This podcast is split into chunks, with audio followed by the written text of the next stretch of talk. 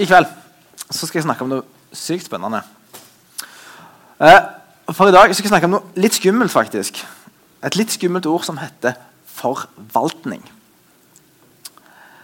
Eh, jeg håper at dere etter hvert har fått med dere at eh, vi er godt i gang med en prekenserie som handler om bærekraft.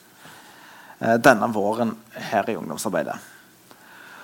Eh, og I dag som altså kommet det som vi kaller for bærekraftig forvaltning og klima og miljø. Her er det ganske mange litt skumle ord på en gang.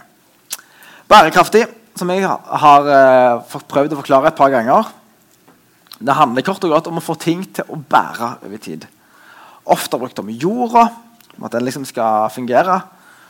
Uh, og at vi ikke skal gi fra oss en dårligere jord til de kommende generasjonene, sånn som dere, uh, enn den jorda vi kom til.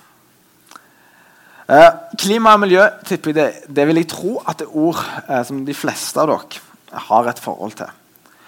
Og I dagens virkelighet så er det egentlig, i alle fall her i Norge så er det litt sånn at hvis du ikke har, for, har hørt de ordene i løpet av de siste par dagene, så, den, så har du egentlig sittet under en stein. Eh, levd under en stein langt inne i hytta i Haiti. Uh, Oppå fjellet et eller annet sted for ikke å ha fått med deg dette. Men forvaltning, da? Hva i all verden betyr egentlig det? Det kommer av, ikke overraskende, av å forvalte. Eh, som et begrep som vi møter ganske mange ganger i Bibelen. faktisk. Eh, forvaltere det er liksom en kategori folk, på en måte en slags jobb. Det var de som forvalta formuen, altså passte på pengene. egentlig til rike folk og konger og den slags. Det var de som styrte bedriften, de som hadde orden på økonomien orden på de ansatte. Egentlig sånn som vi i dag har en daglig leder i en bedrift. rett og slett. De som passer på at alt flyter, og har kontroll på, at, på alt det som ingen andre har kontroll på. Sant? For eksempel her, her i kirka har jeg en uh, sjef uh, som har tittelen daglig leder. Hun heter Margaret. Hun er den som har kontroll på alle de tingene jeg ikke orker å ha kontroll på. Sånn penger og alt sånn. Så jeg bare drar kort, og så satser jeg på at Margaret tar kontroll. Det er litt sånn det funker. Uh, men det er liksom den som passer på at bedriften eller kirka eller organisasjonen eller hva det måtte være uh, At vi på en måte ikke går liksom en dundrende underskudd og går konkurs og alt sånn. Uh, og passer på at de ansatte har det bra. Sånn at måtte, viktige folk i en organisasjon eller firma da, ikke slutter osv. Så, ehm, så det er på en måte egentlig det en forvalter driver på med. Passer på at hjula går rundt, og at ting fungerer. Men du eh, Som sagt har vi hatt litt ekstra fokus eh, på bærekraft og egentlig også på klima og miljø her i kirka siden jul. da, egentlig. Både her fra scenen og de siste ukene så har vi hatt en gående en ganske kul serie på Instagram sammen med eh, gjengen fra Bogafjell, som handler om miljø. Der vi hver eneste dag, faktisk, eh, hele fastetida, dvs. Si fram til påske, eller til og med, påske, til med påskeaften, eh, presenterer nye små tips som gjør det lettere for deg å leve et klimavennlig eller eller klimabevisst liv. Eh, og så har vi en uh, liten gjeng her i kirka som er med å produsere noen av de filmene. Uh, så det er ganske kult. Dagens, det var dagens lille reklame. Dagens lille reklame punkt to. hvis du har lyst til å være med på å lage sånne filmer, så gi meg et lite hint, så er det åpent for flere. Men altså Har du noen gang tenkt tanken Hvorfor i all verden skal vi drive og snakke Eller kanskje du sitter og tenker den tanken akkurat nå. Hvorfor i all verden skal vi drive og snakke om klima og miljø i kirka? Hva har det med Gud og Jesus å gjøre? Sant? Det er kanskje et godt spørsmål. jeg vet ikke. Men i alle fall så mener jeg at det er flere grunner til at det har noe i kirka å gjøre. da. For det første, Gud han er glad i oss mennesker. Og han er glad i det han skapte. Han er glad i jorda som vi bor på. Og Ifølge skapelsesfortellingen, altså da er vi på en måte på side 1 og 2 i Bibelen, sant? så skapte Gud det første mennesket av støv fra jorda. og satte han da, Adam ifølge skapelsesfortellingen som var den, største, den første. Uh, og satte han til å passe på å dyrke den hagen uh, som han levde i. da. Så allerede liksom på side to i Bibelen uh, så kan vi se at menneskene er helt avhengige av jorda. Og at Gud tenkte at det var sånn det skulle være. Så leser vi når vi kommer til side tre at det, ikke fungerer så veldig bra. Men det er en annen historie. Uh, og så er det jo sånn i tillegg at i tillegg til at vi mennesker er fra jorda, da, så er vi faktisk bygd opp av akkurat det samme som alt annet på denne planeten. Alt sånn Atomer og alle sånne ting. Det har sikkert dere veldig mye bedre kontroll på enn meg. Um, men altså alt det som Gud skapte, skapte han av de samme byggesteinene som vi òg er en del av. Uh, men likevel da, så står det i skapelsesfortellingen at Gud gav menneskene en spesiell oppgave. Nemlig å passe på skaperverket og forvalte skaperverket. Og sorry to say it eh, Det kunne ha gått bedre. Sånn for å si det litt forsiktig. Men du, eh, vi skal lese litt fra Bibelen. Så hvis du har vært så sykt flink at du tilfeldigvis har med deg en bibel, eller har lyst til å finne fram bibelappen din, så hadde det vært veldig kult. Eh, vi skal til Salme 8. Så gir dere et par sekunder til å slå opp. Kanskje ikke, ikke et minutt, det trenger dere ikke. Det får dere ikke heller, men dere skal få noen sekunder. Salme 8 og ifra vers 4.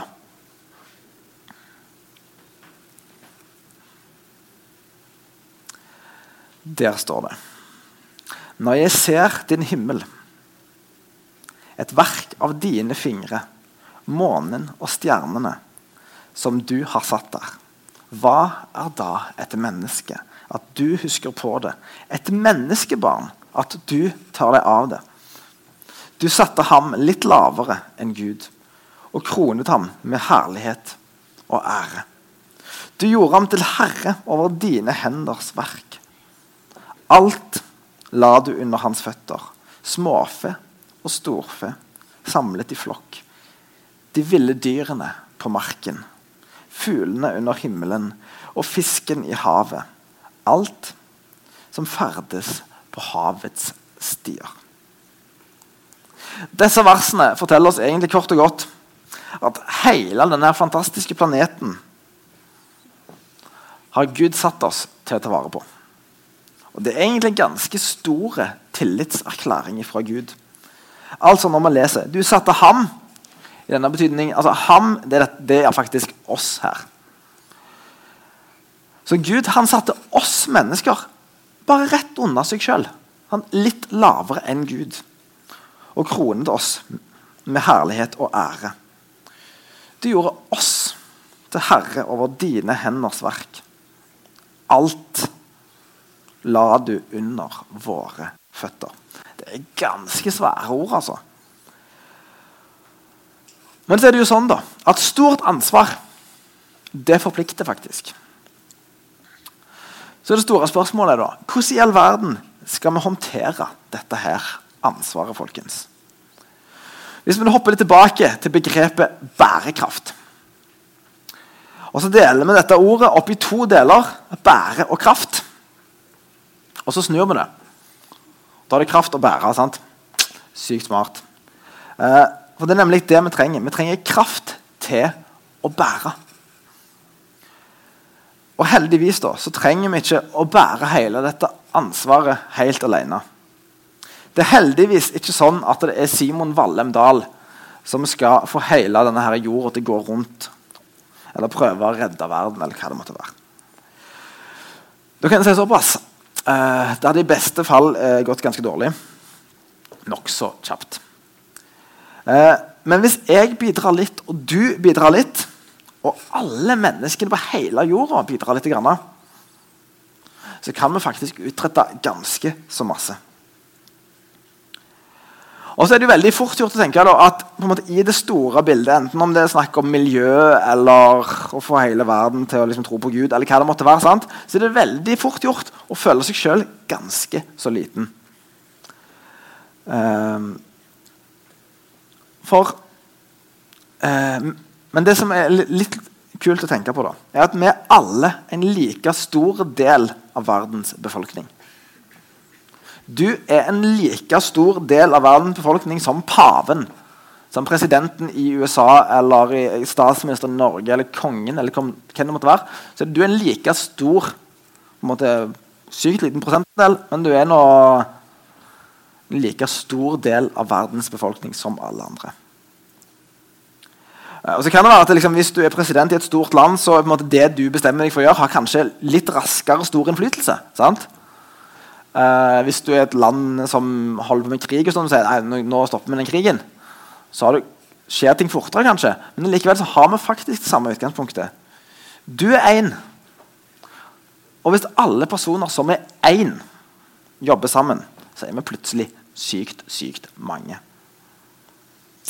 Ok. Det Eh, hele greia med klima og bærekraft handler i bunn og grunn om at ingen skal kunne forvalte her kom det ordet igjen, det vi har til felles. Altså jorda, lufta, vannet osv. Eh, som om det er privat eiendom, noe de eier sjøl. For det er ingen som eier lufta. Det er ingen som eier hele jorda. sant?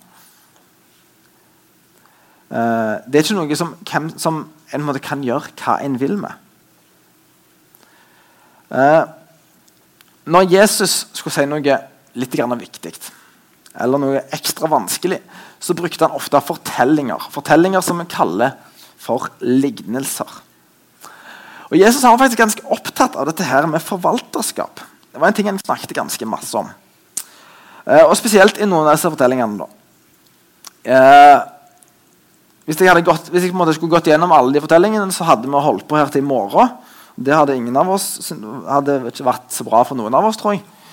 Men i alle fall da, i sykt kort uh, oppsummering I Mattes 18 så snakker han om den ubarmhjertige uh, medkjenneren. I Mattes 25 snakker han om lignelsen med talentene. Lykkes 12 om den tro og kloke forvalter. Og i Lykkes 16 om den uærlige forvalter. Og i Lykkes 19 om pundet. Nå snakker vi ikke om britiske pund, men det var forstått en annen myntenhet de hadde på den tida. Eh, og hvis jeg skulle snakke, ja, sant? Det hadde tatt sykt lang tid hvis jeg skulle gått inn i alle. Jeg gjør ikke det nå. Men, men alle disse fortellingene de handler om for, det å forvalte noe. Om forvalterskap. Og kristent forvalterskap er noe vi kan se på som en, til, som en tillitsverv. Sant? Et varm, verv som vi har fått, en oppgave vi har fått. Eh, fordi noen har tillit til at vi kan gjøre den jobben. At du kan gjøre den jobben. Litt som at vi har tenkt, eller i hvert fall mange mennesker har tenkt at Erna Solberg hun er den beste av oss til å styre dette landet. sant? Derfor så har eh, store deler av Norges befolkning tenkt at Erna Solberg vi putter henne til statsminister. Det er en lurere idé enn å putte Simon som statsminister. Sant? Tror jeg en lurere idé.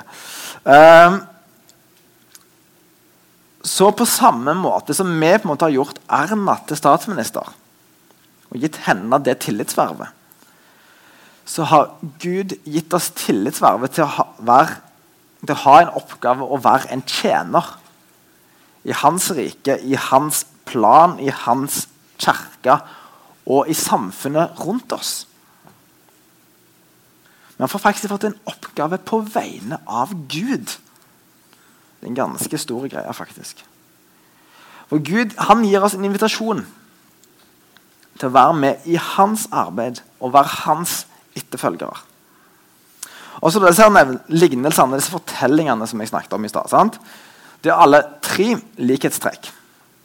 For herrene i disse historiene, de som på en måte hadde en forvalter, de tar det de eier, og så gir de til en eller flere betrodde forvaltere, noen de stolte på. Og da er det ikke sånn at denne forvalteren nå eier det han har blitt betrodd. Sant? Det er fortsatt Herren her som er eier. Men han betror det.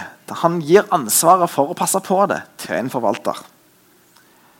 Og de fleste av lignelsene så det, nummer to er at Herren her han drar utenlands. Han drar ut på reise. Jeg vet ikke om han liksom setter seg på fly til Granca, eller hva han holder på med, men i alle fall han drar vekk. sant? Eh,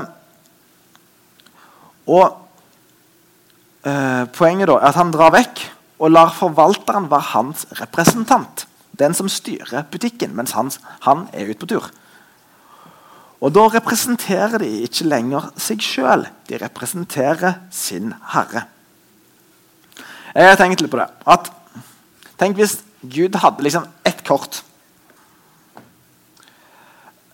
Én han kunne satse på, liksom. Om så i Sandnes, for den saks skyld. Sant? Og det var kun meg. Om han hadde satt meg til å på en måte vise hele Sandnes eller Rogaland eller hva det måtte være, hvem Jesus var, så ville jeg tenkt at det var en solid overvurdering av hva jeg kunne få til.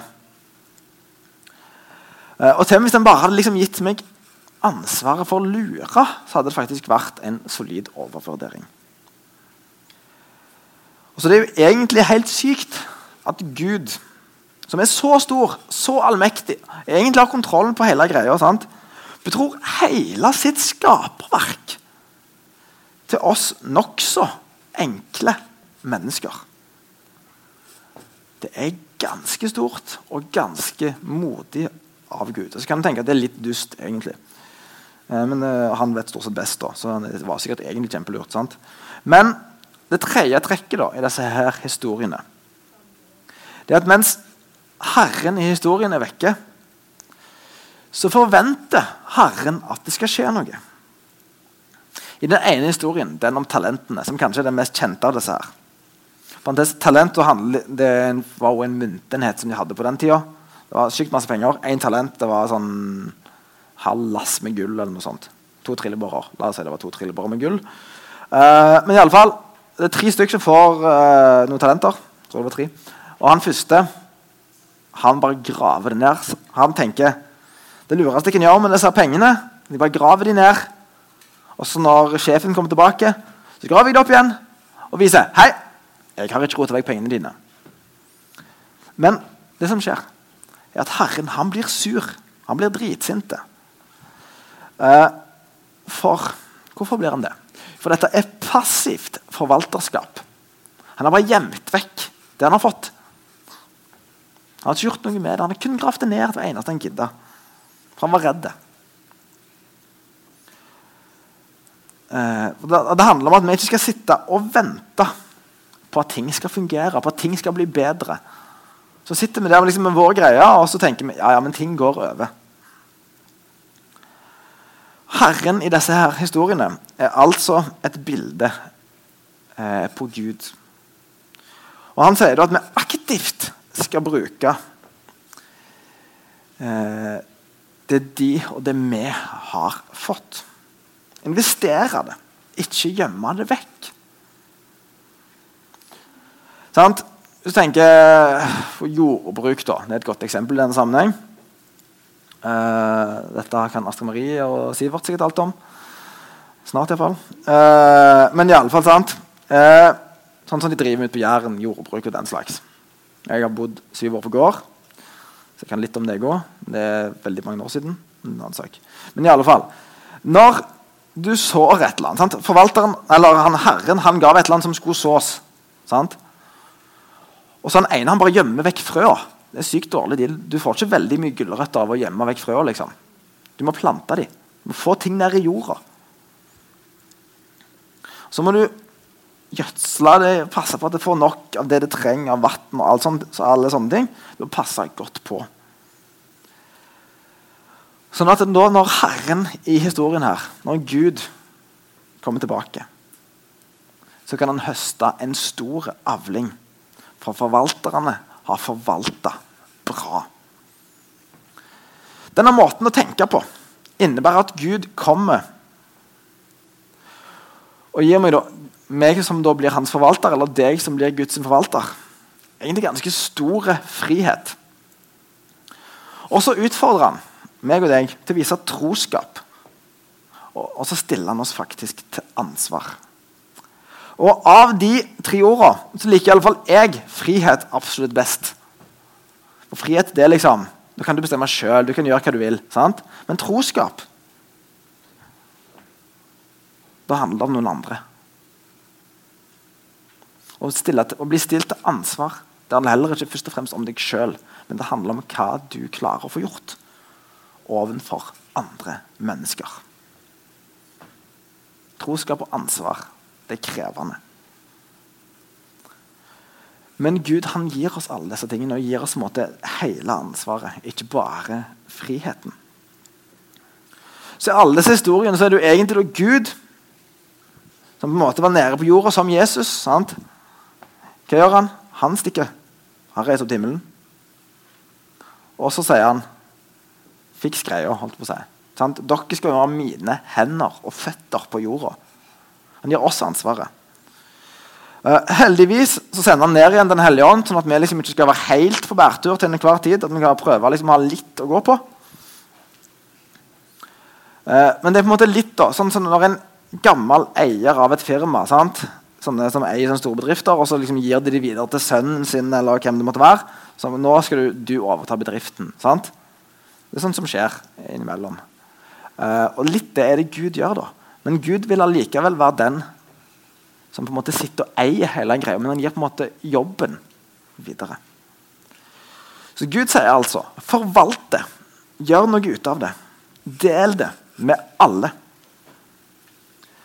Og så står det faktisk i en av denne fortellingene da, at Jesus sier at om den ene som ikke delte, at det var ondt. Det er ganske harde ord, egentlig. Og Hvorfor sier Gud det? Jo, fordi hvis vi har fått noe som er veldig bra sant? Hvis vi har fått noe som f.eks. kan gjøre at noen andre overlever Om det er noen på andre sida av jorda som kan overleve pga. at jeg at de får noe som jeg har. Sant? Eller hvis det er naboen min, for den saks skyld. Så det er ganske slemt av meg å ikke gi det. Sant? Hvis Marie var avhengig av et eller annet fra meg for at hun skulle overleve i morgen. Det er en stor fare at jeg hadde gjort at jeg hadde liksom hjulpet henne. sant? Uh, men det hadde vært sykt dårlig gjort av meg og ikke gjort det, nesten uansett hva det var. Uh, så det, det, er liksom det det handler om. da, sant? Redde, hvis vi har noe som kan redde liv, eller enda mer Noe som kan gi evig liv, og så sitter vi bare liksom, og holder det innenfor oss sjøl og gjemmer det det er jo sykt dårlig gjort, egentlig. Eh, eller noe som kan gi håp. Trøst. Kjærlighet. Opplevelsen av å bli sett, satt pris på, osv. For så å måtte bare holde på det for seg sjøl, holde det tilbake. Det er faktisk en form for ondskap. For Gud han utfordrer oss til å dele. Både troa vår og den verden vi lever i. For verden den er fortsatt Gud sin. Han har skapt den, han eier den. Men han har gitt oss oppdraget å passe på den. Så vi som kristne har et ekstra ansvar her for å ta vare på det som vi har fått, og dele det videre. Sånn at flere mennesker kan nyte godt av det som vi har fått. At vi ikke bare sitter her oppe, oppe på lura på en måte, sant? på toppen av verden. Ikke helt på toppen av verden, men vi er ikke så langt unna. Uh, du kommer litt lenger nord, liksom, men ikke så mye. Uh, og vi tenker men vi har det jo fint. Og så sitter det mennesker på andre sida av jorda og sliter pga. at vi har det bra. Eller for den skyld at du, du sitter liksom oppe i huset ditt oppe i vet ikke jeg, Hans og Grete Stine eller Askepott-veien eller hvor du bor. Sant? Eller et eller annet eventyr. Uh, og så er den på en naboen din sliter fordi du har det bra. Eller for noe du kunne gjort. Og den trenger det du har. Den trenger den guden som du tror på. Og det håpet som du har. Og som trenger at vi deler mer av det vi har fått. Det ble litt sånn streng tone i dag. Beklager det. Um, men altså, forvaltning det er ganske altså Gud, Gud er ganske streng der, faktisk. Og uh, så må, må Den store utfordringen til, til, oss er å ta dette på alvor. Og bruke det vi har fått, og, det, og gi det videre. Både, både det ene og det andre.